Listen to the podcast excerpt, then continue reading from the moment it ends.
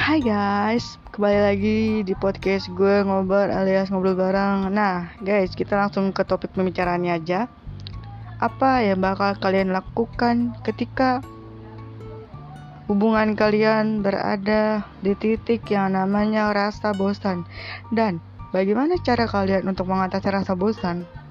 Sekarang gue ingin mengajukan pertanyaan untuk para pendengar gue.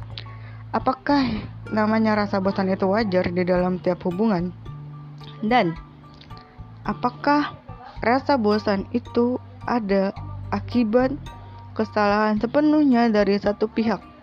Dan kedua, apakah rasa bosan bisa mempererat hubungan percintaan atau hubungan relationship kalian dengan pasangan kalian? Jika iya, apa yang membuat hubungan kalian dan pasangan kalian itu bertahan sangat lama? Atau ya bakalan jadi baik-baik aja walaupun terkadang sering kali ada rasa bosan atau mengakhiri semuanya.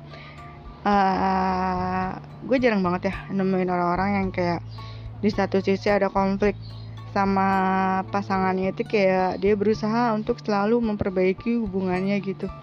Tapi di sini cenderung lebih besar ya seseorang itu uh, tidak bisa menurunkan egonya masing-masing sehingga kayak ya udah lu kita putus aja gitu.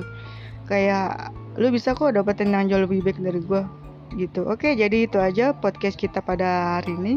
See you